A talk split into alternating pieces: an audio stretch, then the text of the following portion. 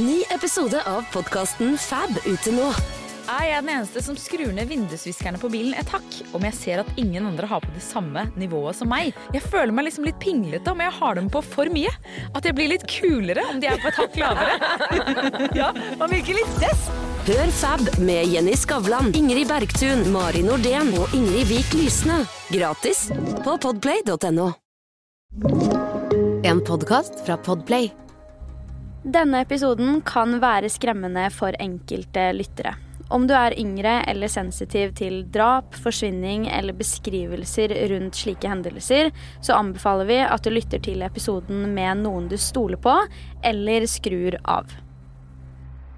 Før vi hopper inn i denne ukens episode, så er det noen nye oppdateringer i saken jeg gjerne vil dele, som faktisk har kommet ut den uka her, mens episoden du nå skal få høre, ble spilt inn uken før informasjonen ble offentliggjort. Det ble nemlig nå offentliggjort at det portugisiske, tyske og britiske politiet nå bedriver søk etter Madeline i et naturreservat, som da tysk politi mener at hovedmistenkte i saken var ved i tiden etter forsvinningen. Dette naturreservatet ligger rundt 50 km fra der Madeleine McCann sist ble sett, og dette er visstnok også stedet som den hovedmistenkte i saken refererer til som sitt paradis. Dette er det aktor Kristen Walters sier til den tyske radio- og TV-kanalen NDR. Jeg kan ikke fortelle bakgrunnen for dette foreløpig, hvorfor vi søker i dette området, og hva vi håper å finne. Det vil forbli en hemmelighet akkurat nå. Litt senere uttaler han følgende. Vi har indikasjoner på at vi kan finne bevis der. Vi ønsker ikke å gå inn på nøyaktig hva det er, og jeg vil heller ikke si hvor disse indikasjonene kommer fra. Det eneste jeg kan si, er at det ikke kommer fra den mistenkte, så vi har ikke fått en tilståelse eller lignende nå, eller noen indikasjon fra den mistenkte om hvor det er fornuftig å lete. Den hovedmistenkte i saken er, som noen av dere helt sikkert vet, Christian Bruckner. Han kommer jeg til å snakke mer om i episoden du nå skal få høre, og herfra vil han refereres til som Christian B. Han har hele veien nekta skyld i denne saken, og sitter per nå i fengsel for en voldtektssak, og han har også flere siktelser mot seg for lignende forhold. Som sagt, mer om dette senere i episoden, men i tiden fremover så kommer jeg til å dele oppdateringene som kommer i denne saken på Instagram-profilen min der jeg heter Forsvinningsfredag. Så dersom du er interessert i å følge saken, vil jeg definitivt sjekke ut den kontoen.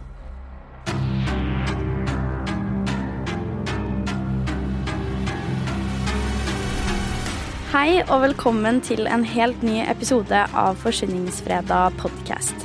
I denne ukens episode skal jeg ta for meg en sak jeg har snakka mye om i mine andre kanaler, og jeg har også laga en video om den på YouTube for noen år siden. Men nå så syns jeg at saken virkelig fortjener en plass i poden også, da det i 2023 har skjedd noen hendelser i saken som gjør at jeg syns den er verdt å ta opp på nytt igjen. Så i denne episoden skal jeg ta for meg alt vi vet om denne saken, og jeg snakker selvfølgelig om den velkjente Madeleine McCann. Første gang jeg selv hørte om denne saken, var da jeg var rundt ni år. eller noe sånt nå. Og jeg var i butikken med moren min og så bildet av Madeline på forsiden av en norsk avis eller et ukeblad. Siden den gang har dette her vært en sak som virkelig har satt sine spor hos meg, og det er jeg definitivt ikke alene om å føle.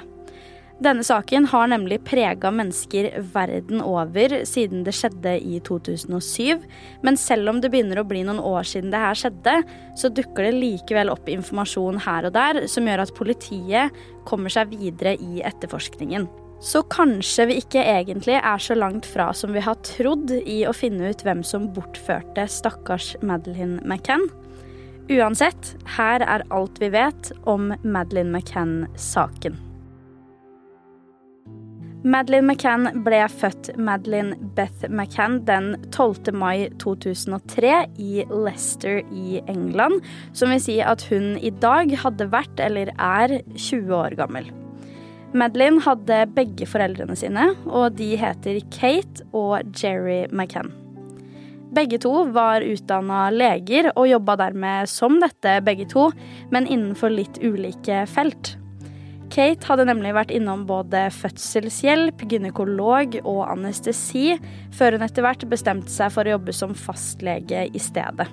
Jerry på den andre siden jobba veldig lenge som kardiolog og overlege, som vil si at han var spesialist innenfor alt som hadde med hjertet å gjøre.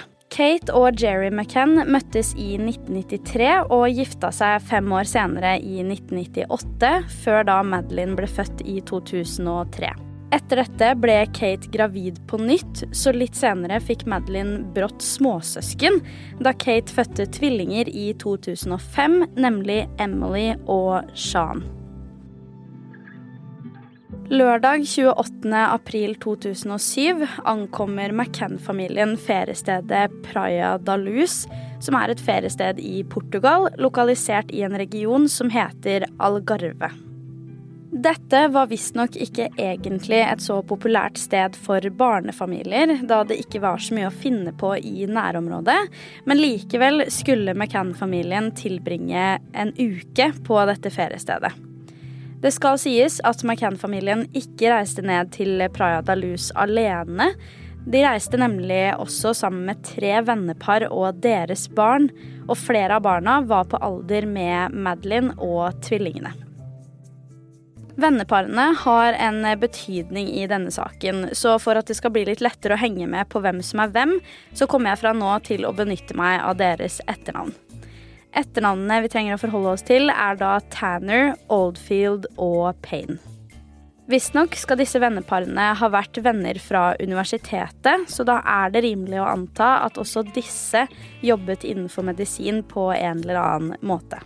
På dette feriestedet Praia da fikk McCann-familien tildelt leilighetsnummer 5A, og den befant seg helt ytterst på hotellet, mot veien som gikk utenfor hotellets eiendom. Jeg nevnte jo at de andre parene også hadde med seg sine barn, så på kveldstid gjorde foreldrene alltid en slags prosedyre under middagen etter at barna hadde lagt seg. De bestilte nemlig samme bord til nøyaktig samme tidspunkt hver eneste kveld, og det var da i tapasbaren på hotellet. Fra dette bordet kunne du se fasaden til hotellet, men du kunne ikke se inngangsdørene til leilighetene. Egentlig var standard prosedyre på denne ferieturen at alle dørene til leilighetene skulle være låst og gardinene trukket for. Dette her var rett og slett fordi foreldrene ikke hadde innsyn til leilighetene fra bordet de satt på.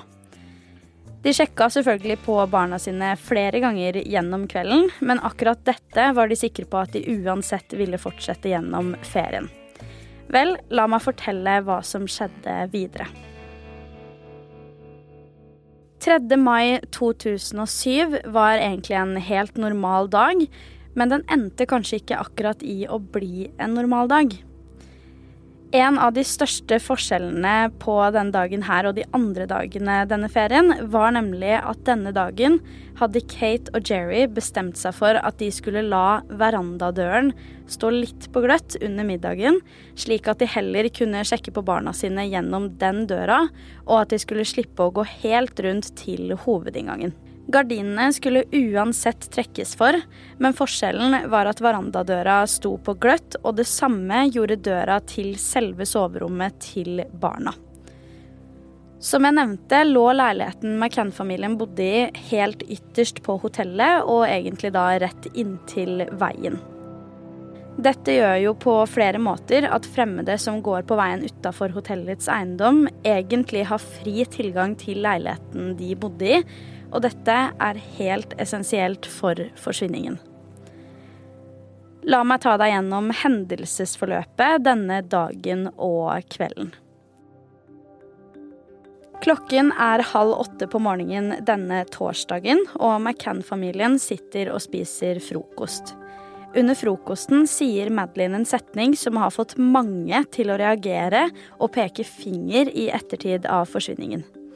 Hun sier nemlig 'Hvorfor kom dere ikke i går, da vi gråt?' Denne setningen og samtalen som kom ut av det, gjorde at Kate og Jerry bestemte seg for at de den kommende kvelden var nødt til å sjekke oftere opp på barna, slik at de følte at foreldrene var der nok for dem. Jerry og noen kompiser som han kjente på feriestedet, hadde denne dagen satt seg opp på noen tennistimer gjennom dagen, og det hadde de da drevet med egentlig hele formiddagen. I mellomtiden var barna på Kids Club. De spiste litt og koste seg egentlig hele dagen. Utover dette var barna også mye rundt bassenget denne dagen. Og det er faktisk rundt bassenget at det siste bildet som noensinne ble tatt av Madeline, ble tatt, og fotografen, det var Kate McCann. Det finnes faktisk noen teorier rundt akkurat dette bildet, men det kommer jeg tilbake igjen til litt senere. Mellom klokka fem og seks gjør Kate ungene klare for å legge seg, og i mellomtiden var Jerry på tennisbanen og spilte med kompisene sine, nå for gang nummer to denne dagen. Da Jerry kommer tilbake fra tennis, er klokka rundt syv, og da setter han seg på senga til Madeline for å fortelle en nattahistorie til henne og tvillingene. Tvillingene de sov nemlig på samme rom, men i en reiseseng rett ved siden av senga til Madeline. Omsider sovner barna, og klokka blir halv ni før Kate og Jerry bestemmer seg for å dra til tapasbaren sammen med de andre parene. Som nevnt lå tapasbaren inne på hotellets eiendom, og faktisk var det kun bassenget som lå mellom baren og leilighetene. Klokka blir fem over ni, og det er tid for at Jerry skal ta sin første sjekk på barna denne kvelden. Da Jerry sjekka på barna, mener han at alt så ganske bra ut, utenom det faktum at han mente soveromsdøra sto litt mer åpen enn sånn de forlot den. På vei tilbake til tapasrestauranten møter Jerry på en annen hotellgjest som han visstnok kjenner fra før av. Denne mannen heter Jeremy Wilkins. Mens de står og småprater, blir klokka etter hvert kvart over ni, og vandrende kommer fru Tanner for å sjekke på sine egne barn. I ettertid har faktisk fru Tanner forklart at på dette tidspunktet så mener hun at hun så en mann gå og bære en unge rett ved leiligheten til McCann-familien. I 2013 avfeide faktisk politiet denne observasjonen totalt, etter å da ha snakka med den angivelige mannen. Han viste seg nemlig å være britisk, og fikk på en eller annen måte overtalt politiet til at han bar på sitt eget barn og var på vei hjem fra barnehagen. Men er det en sannsynlighet for at politiet kanskje allerede da var i kontakt med gjerningsmannen? Altså, jeg mener, husk at klokka var kvart over ni på tidspunktet av observasjonen, og da på kvelden. Hvorfor skulle han ha henta barnet sitt i barnehagen så sent på kvelden? Altså, det gir veldig lite mening i mitt hode, i det minste. Klokken blir halv ti, og herr Oldfield bestemmer seg for å sjekke på sine egne barn. Det er egentlig på dette tidspunktet at Kate hadde tenkt å sjekke på sine egne barn, men herr Oldfield kom henne i forkjøpet, og da tilbød han seg å sjekke på hennes barn også, sånn at de slapp å gå to stykker samtidig. Ifølge forklaringene så har han egentlig ikke gjort en ordentlig sjekk på McCann-barna i det hele tatt. Han sa selv i avhør at det var fordi at han ikke hørte noen lyder derfra, og dermed bare antok at barna sov. I samme avhør forteller herr Oldfield at han egentlig ikke kan med sikkerhet si at han en gang så Madeline den kvelden. Det er jo ganske vilt, fordi han skulle jo sjekke på barna, og når han i tillegg tilbød seg å sjekke på en annen forelders barn, så er det jo ganske rart å ikke sjekke ordentlig. Det eneste han kunne si med sikkerhet, var at døra sto ganske åpen, men han visste jo ikke hvor vidt gap det var på den døra da Kate og Jerry forlot leiligheten, så det var ikke noe han beit seg noe merke i, egentlig. Klokken blir ti på kvelden, og det er i dette tidsrommet at en irsk familie har forklart i avhør at de observerte en mann som gikk og bar på en blond, liten jente. Angivelig hadde hun da på seg rosa pysj, og det hadde også Madeline denne kvelden. Den irske familien anslo i samme avhør at jenta var tre-fire år gammel, og observasjonen skjedde bare noen minutter unna leiligheten til McCann-familien. På samme tidspunkt som denne irske familien mener å ha sett denne ukjente mannen bære på en blond jente, så går Kate for å sjekke på sine egne barn, og det er faktisk nå hun legger merke til at Madeline er borte, men at tvillingene fremdeles ligger og sover. Kate forklarte i avhør at soveromsvinduet nå var åpent og persiennene trukket opp. Hun forklarer også at soveromsdøren var ganske hard å få opp, men hun antok at det kom av gjennomtrekk fra vinduet, eller at det blåste.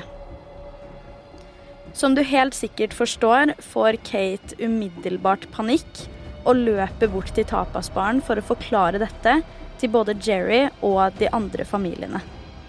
Rundt akkurat dette funnet er det flere ting allmennheten har reagert på, Bl.a. at det første Kate sier når hun kommer til tapasbaren, er 'de har tatt henne'.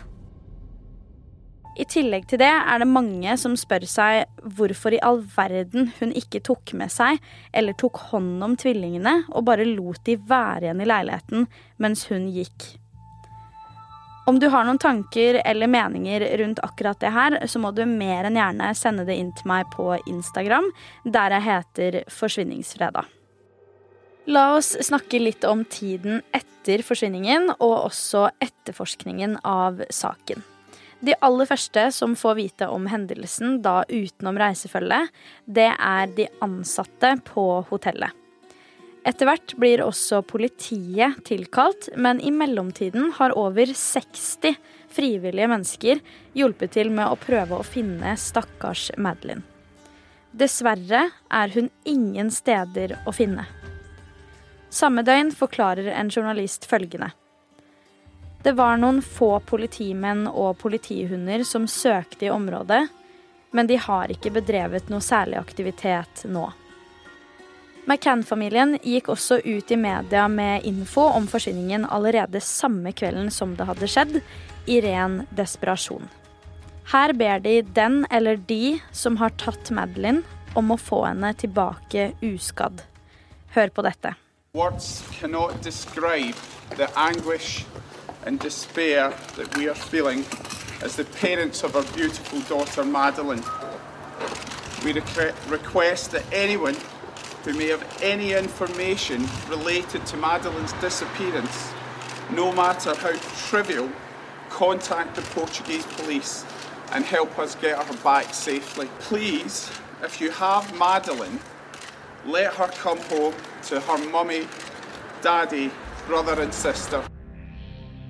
Dette er bare én av flere pressekonferanser som skulle komme, og det mest fordi det portugisiske og britiske politiet ikke kom overens og var uenige i hvordan de ønsket å gå løs på saken. Problemet her var at denne saken fra starten av ble håndtert som en redningssak, mens det britiske politiet mente at den burde bli etterforska som en kriminalsak. Det er også verdt å nevne at selve etterforskningen ikke ble satt i gang før seks-syv timer etter at Kate hadde meldt datteren sin savnet. Det vil jo da si at Madeline har hatt mange timer på seg til å havne langt unna, eller bli frakta veldig langt unna. Noe som gjør akkurat det aspektet enda mer frustrerende, er at grensevaktene i Portugal ikke var informert om saken, i tillegg til at det generelt var veldig lett å komme seg gjennom grensa på denne tiden. I den innledende fasen av etterforskningen finner vi dessverre også flere feil som politiet gjorde. Det første er angående leiligheten til McCann-familien. De skulle jo nemlig bare være på ferie i en uke, men når de sjekka ut av hotellet, så burde jo leiligheten ha blitt sperra av som et åsted, noe den ikke ble. Fra McCann-familien sjekka ut og politiet endelig fikk sperret av leiligheten, var det to andre familier som rakk å feriere i leiligheten. Og da vil jo naturligvis åstedet bli fylt av masse annen DNA. Biologiske spor er antageligvis borte. Og generelt vil det jo ha mye å si for etterforskningen at selve åstedet ikke engang ble sjekka ordentlig før det var for sent. Det var altså mellom åtte til ti personer inne i denne leiligheten før politiet i det hele tatt hadde tatt rettsmedisinske undersøkelser. I den innledende fasen var det det portugisiske politiet som tok ansvar i saken og ledet an etterforskningen. Det var fordi hendelsen skjedde i Portugal, men så har det seg jo sånn at Madeline var britisk statsborger, så da må jo nødvendigvis det britiske politiet kobles inn også. Etter hvert som saken gikk fra å være en redningsoperasjon til å bli en kriminalsak, var det flere politihus og stasjoner som ble involvert i saken. Nå var det ikke bare det portugisiske og britiske politiet, men også ekstremt mange flere, også fra andre distrikter. Den innledende fasen av etterforskningen var mye preget av feilene politiet gjorde når det kom til å sikre seg bevis. Bare det at de ikke sperret av leiligheten umiddelbart, gjorde at det var eventuelle bevis som kunne ha blitt borte i prosessen. Den første timen etter at en person er meldt savna, kaller man gjerne for the golden hour. Det vil rett og slett si at det er innenfor denne timen at man kan og rett og slett må sikre seg de absolutt viktigste tekniske bevisene, som f.eks. DNA-spor. Tatt i betraktning at det tok to uker før politiet i det hele tatt fikk tatt disse undersøkelsene, og det også gikk seks til syv timer før de i det hele tatt innledet noen etterforskning, så kan du jo se for deg hvor mye verdifull informasjon de kan ha gått glipp av. Som jeg så vidt var inne på, ble heller ikke grensevaktene varsla om hendelsen før det hadde gått så lang tid at en eventuell kidnapper for lengst ville ha passert grensa om det var planen. Dette gjelder også for Interpol, en internasjonal database for savna personer som politi verden over benytter seg av i saker som denne. Interpol ble ikke informert om forsvinningen før det hadde gått fem døgn, som igjen kan ha mye å si for bevis i saken. Allerede ganske tidlig i prosessen så oppsto det ganske mye friksjon mellom McCann-familien og politiet i Portugal. Dette var rett og slett på bakgrunn av at lovverket i Storbritannia og Portugal visstnok er ganske forskjellige. Og det gjør jo at man selvfølgelig blir frustrert hvis det går utover saken at lovverket ikke er det du er vant til fra hjemme. Etterforskningen gikk også veldig trått for seg, og portugisisk politi har også fått veldig mye kritikk for akkurat dette. Den ellevte dagen etter forsvinningen, altså den 14. mai 2007, avhører endelig politiet sin aller første mistenkte i saken. Personen de avhørte, var Robert Murath. Robert bodde på tidspunktet sammen med moren sin i Praia da Luz, og moren har også forklart i avhør at hun var med sønnen sin hele den aktuelle kvelden. La meg gi deg en rask innføring i hvem Robert er, og hvorfor han ble den første mistenkte i saken. I den innledende fasen av etterforskningen fungerte Robert som tolk for politiet. Etter hvert begynte en journalist å fortelle politiet og advare dem om at denne personen oppførte seg ganske merkelig overfor journalistene.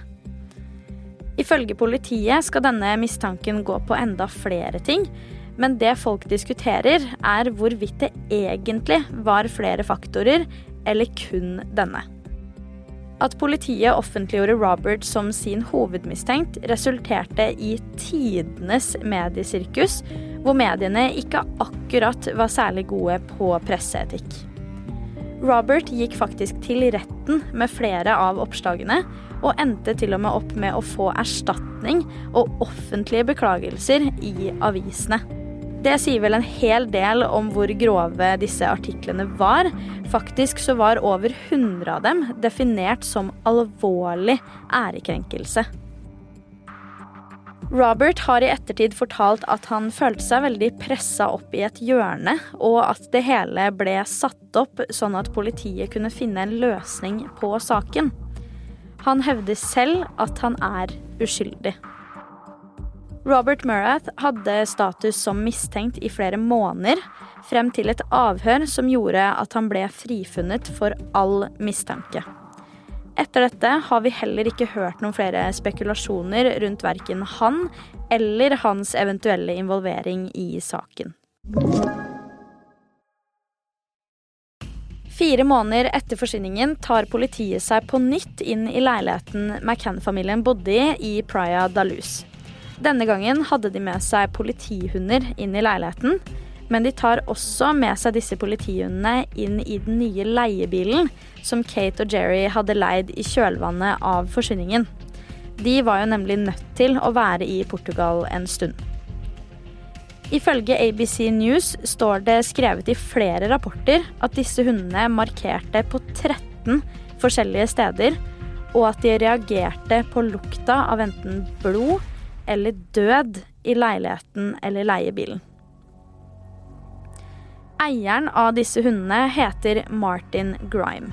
Og han har sagt at hundene hans er trent opp til å spesifikt lukte blod fra våpen eller lignende. I tillegg til dette skulle de være så godt trent at de også skulle kunne lukte nedbrutte lik, lokalisere menneskelige levninger og selvfølgelig da også skjelett. Funnene ABC News melder om, gjør at Kate McCann blir tatt inn til avhør hos politiet. Ifølge avisen Independent varte dette avhøret i så mye som elleve timer, og det var angivelig veldig detaljert om alt som hadde skjedd. Independent skriver at Kate nekta å svare på så mye som 48 ulike spørsmål om hva som skjedde den kvelden Madeline forsvant. Jeg kommer ikke til å nevne alle spørsmålene, naturligvis, men her er noen av dem. Politiet spør. 3. mai 2007 rundt klokken ti på kvelden da du gikk inn i leiligheten. Hva så du? Hva gjorde du? Hvor så du, og hva tok du på? Hvorfor sa du at hun hadde blitt tatt? Tatt utgangspunkt i at Madeline ble bortført. Hvorfor lot du tvillingene være igjen i leiligheten da du gikk for å varsle de andre? Kidnapperen kunne jo fremdeles vært i leiligheten. Personlig syns jeg jo det er ganske spesielt å ikke ville svare på de spørsmåla her, for i hvert fall de jeg nevnte her nå, er jo spørsmål som ikke egentlig hadde satt henne i noe kjip posisjon, med mindre hun faktisk gjorde noe hun ikke burde. Så hva er egentlig de tekniske bevisene i saken? Jo, i hovedsak så er det DNA-spora av Madeline i leiligheten og leiebilen. Det gir jo ikke helt mening at det skulle vært DNA-spor av Madeline i leiebilen, for den ble jo leid i etterkant av forsvinningen. Kate McCann har offentlig sagt at disse hundene ikke var troverdige i det hele tatt, og at de påståtte funnene ikke gir noe særlig mening. Hun er riktignok ikke den eneste som har vært i tvil rundt disse hundene, men det skal også sies at dette er hunder som har bred historikk i å faktisk ha rett i funnene sine. Og de er jo også godt trent opp. Likevel så er det en etterforskningsreporter som mener at det ikke egentlig ble funnet en eneste DNA-match til Madeline i den leiebilen. Disse hundene og hvorvidt de var pålitelige eller ikke, tror jeg faktisk ikke at vi vil finne ut av. For her er det så mange som har så mange forskjellige meninger rundt det. Både profesjonelle og privatpersoner. 9.9.2007 er dagen da McCann-familien endelig får dra tilbake til England igjen. Rundt to år senere, den 21. juli 2009, blir også anklagen eller mistanken mot dem opphevet. Det høres ut som en veldig fin ting for deres del, men samtidig som mistanken ble opphevet, ble også hele saken lagt på hylla. I kjølvannet av at saken ble lukka, kom det ganske umiddelbart ut en rekke folk som pekte finger mot Kate og Jerry McCann. Enkelte mente til og med at de to kunne ha tatt livet av sitt eget barn. En journalist gikk faktisk ut og sa at han mener Madeline døde allerede i leiligheten, og at det aldri skjedde noen bortføring. Han mener da at Kate og Jerry har gjemt liket til Madeline. Som forelder i en såpass stor og omfattende sak som denne, så er nok ikke dette den beste beskjeden å få, og det offentlig i media, i tillegg til at vedkommende ikke legger frem noen faktiske bevis på det. Det var jo kun en teori i hovedsak. McCann-familien ender faktisk opp med å saksøke dette forholdet, og ender også opp med å få en offentlig beklagelse i den avisa som denne journalisten jobba for. I juli 2013 blir saken tatt opp på nytt igjen av politiet, nå fordi de mener at de har fått nye bevis og vitner i saken. Innen oktober det samme året har politiet og etterforskerne klart å identifisere 41 ulike personer som kan være mistenkte i saken. Og det gjør jo også at saken på langt nær er ferdig, samtidig som det blir tidenes jobb å finne ut av hvem som sto bak.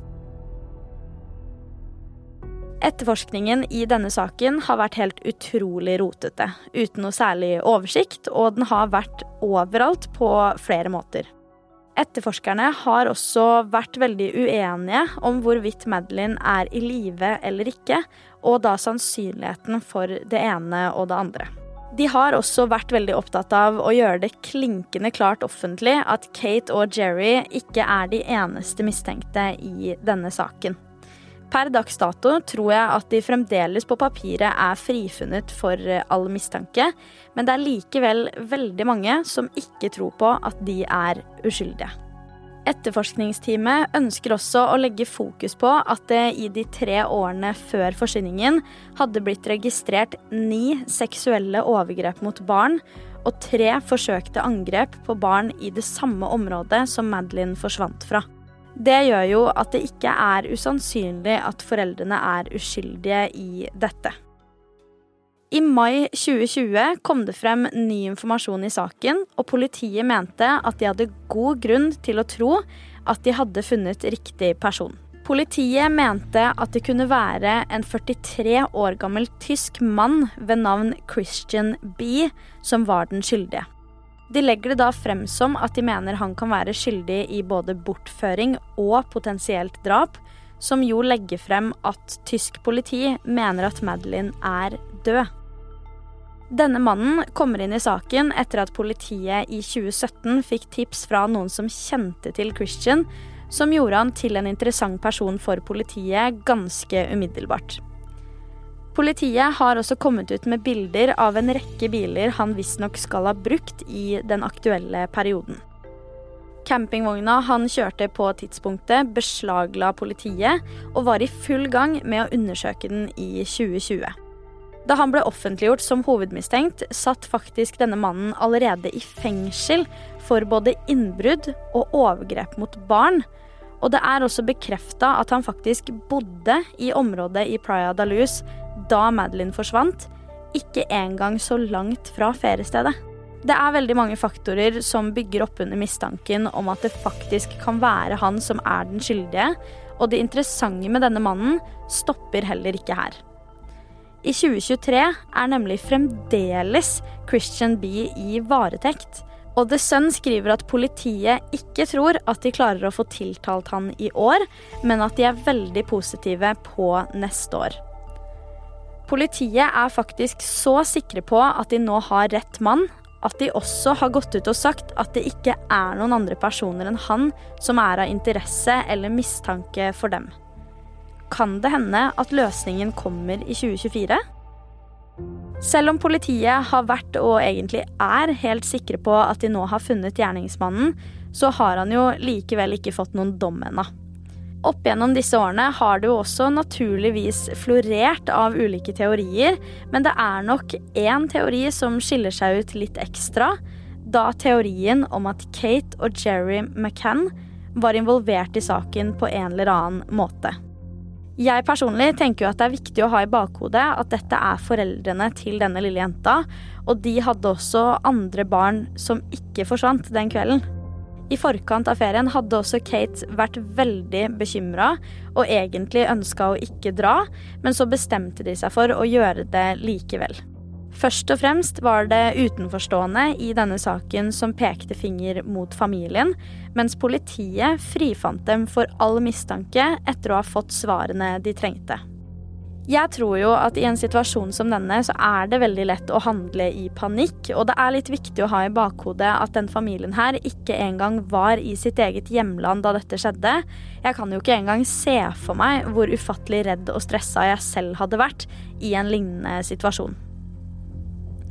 En ting de utenforstående bemerka seg i denne saken, var den generelle besettelsen foreldrene hadde av Madeline, spesielt utseendet hennes. I en bok som Kate ga ut, står visstnok dette skrevet. Jeg spurte Jerry engstelig om han hadde noen skikkelig forferdelige tanker eller visjoner om Madeline. Han nikket. Nølende fortalte jeg han om de grusomme bildene som gikk gjennom hodet mitt av kroppen hennes. De perfekte små kjønnsorganene hennes revet i stykker. Her er det jo mange som stiller seg kritiske til og stiller spørsmål ved hvorfor i all verden en forelder beskriver datterens kjønnsorganer sånn i en bok. Folk legger også merke til at hun ikke beskriver hvordan Madeline kanskje hadde det, Kanskje hun var redd eller følte seg forlatt? Tidligere i episoden nevnte jeg at det siste bildet som noen gang er blitt tatt av Madeline, ble tatt av moren hennes ved bassengkanten samme dag som hun forsvant. Folk som gjerne ønsker å analysere dette bildet, mener at Madeline ikke ser så glad ut der, og at hun heller ser litt sjokkert ut. Personlig så ser jeg ikke det helt, men jeg syns du skal få bedømme det selv, så jeg har lagt ut dette bildet på Instagram, der jeg heter Forsvinningsfredag. Flere har også sagt at de syns det er rart å bruke dette bildet som et savnet-bilde, men jeg forstår det jo egentlig veldig godt, fordi på dette bildet så har vi også muligheten til å se hvordan detaljene til Madeline ser ut, som f.eks. det ene øyet hennes, som er veldig unikt. Flere har faktisk også diskutert litt rundt hvorfor familien valgte akkurat dette bildet som det siste bildet. Og til dags dato er det bred diskusjon rundt det. I et nettforum ble det noen år etterpå oppretta en tråd der en anonym person spurte de andre i forumet hvordan dette kunne være mulig. Vedkommende sammenligna det bildet vi kjenner som det siste, med et bilde vi 100% vet at ble tatt dagen etter forsvinningen. På bildet tatt dagen etter er Jerry vesentlig brunere i huden, ifølge denne anonyme personen. Vedkommende stiller seg da spørsmålet om det i det hele tatt går an å få så mye farge fra den ene dagen til den andre, og kommer videre med teorier. Kunne det ha seg at de valgte dette bildet fordi det ble tatt en av de første dagene på ferien, og det er da Madeline var glad og lykkelig, mens etter dette bildet fantes det ingen bilder hvor hun så glad ut? Kan McCann-familien ha tenkt i de baner at de må finne et bilde som skaper et narrativ av at hun koste seg, slik at det ikke vil føre til bekymringer rundt sovevaner, disiplin, mulighetene for at barna fikk beroligende piller om natta og lignende? Det finnes nemlig en teori der ute om at foreldrene også hadde gitt Madeline for mye beroligende medisin den aktuelle kvelden, som da igjen kunne ha ført til at hun døde, og så måtte de dekke over for ulykken. For meg gir dette her veldig lite mening. Vi må jo også huske på at dette var leger med høy utdanning de vet hva de driver med, og så er det jo noe å tenke på. Hvorfor skulle de gitt sovemedisin til en fire år gammel jente? En ting som er veldig vanlig i saker der noen er skyldig, men ikke ønsker å si det, er at de gjerne endrer en del på historien sin. Det har ikke McCann-familien gjort her. De har holdt seg til samme historie hele veien. Og så har de heller unngått å svare på spørsmål de har vært usikre på. Det kan naturligvis være flere årsaker til det også, men jeg skal jo være ærlig på at jo mer jeg tenker på naturlige forklaringer rundt denne familien, jo mer tenker jeg jo at de her og der har hatt en del dumme forklaringer, men at det kan være vel så vanlig som å holde hodet kaldt gjennom hele prosessen. Helt til slutt i denne episoden er jeg nødt til å fortelle deg om den nyligste hendelsen i denne saken, som jeg er helt sikker på at flere av dere har fått med dere på en eller annen måte de siste månedene. På Instagram og TikTok dukka det nemlig plutselig opp en jente ved navn Julia som mente at hun hadde høy sannsynlighet for å egentlig være Madeleine McCann. En annen teori som har vært, er jo at Madeline kunne ha havna i en menneskehandel, prostitusjon eller lignende. Så at det skulle dukke opp en jente som kunne ha vært Madeline, er jo ikke helt usannsynlig i en verden med så mange sosiale plattformer. Uansett, denne jenta legger frem det hun påstår at er bevis, og forklarer at hun ikke forstår hvordan dette ikke kan stemme. Det er jo ganske mange faktorer i forklaringen hennes som er veldig triste å høre, og som gjør at man definitivt får medfølelse. Blant annet så nevnte hun at hun ikke har fått se sin egen fødselsattest, og da begynte hun jo å lure på om den i det hele tatt fantes, og tenkte da at hun kunne ha blitt kidnappet som barn og f.eks. solgt videre. Det skal faktisk sies at hun etter hvert kom i kontakt med Madelines foreldre med en forespørsel om det var i orden å fikse en offisiell DNA-test for å finne ut av om dette kunne stemme. Foreldrene gikk faktisk med på dette, og tidligere i 2023 kom resultatene tilbake. Det viste seg at denne polske Julia ikke var Madeleine McCann, men jeg klarer likevel ikke å slå fra meg tanken om at det er noe som ikke stemmer helt når det kommer til denne stakkars jenta. Jeg er som alltid veldig interessert i å høre dine tanker rundt denne saken, og her er det jo definitivt mye vi har å snakke om. Tror vi at det er en høy sannsynlighet for at politiet har tatt riktig person, og at han faktisk vil tiltales og kanskje dømmes i 2024? Er vi 100% sikre på at familien til Madeline ikke hadde noe med saken å gjøre, eller i det minste visste om det? Kan det være at Madeline fremdeles er der ute, men at hun kanskje ikke selv vet at hun er Madeline engang? Det her syns jeg at vi skal diskutere videre, så send meg veldig gjerne dine tanker og meninger på Instagram, der jeg heter Forsyningsfredag, så skal jeg svare deg der. Du har hørt Forsyningsfredag podkast med meg, Sara Høydahl. Tusen takk for at du har lytta til episoden. Jeg er tilbake med en helt ny en allerede neste fredag. Og i mellomtiden, ta vare på deg selv.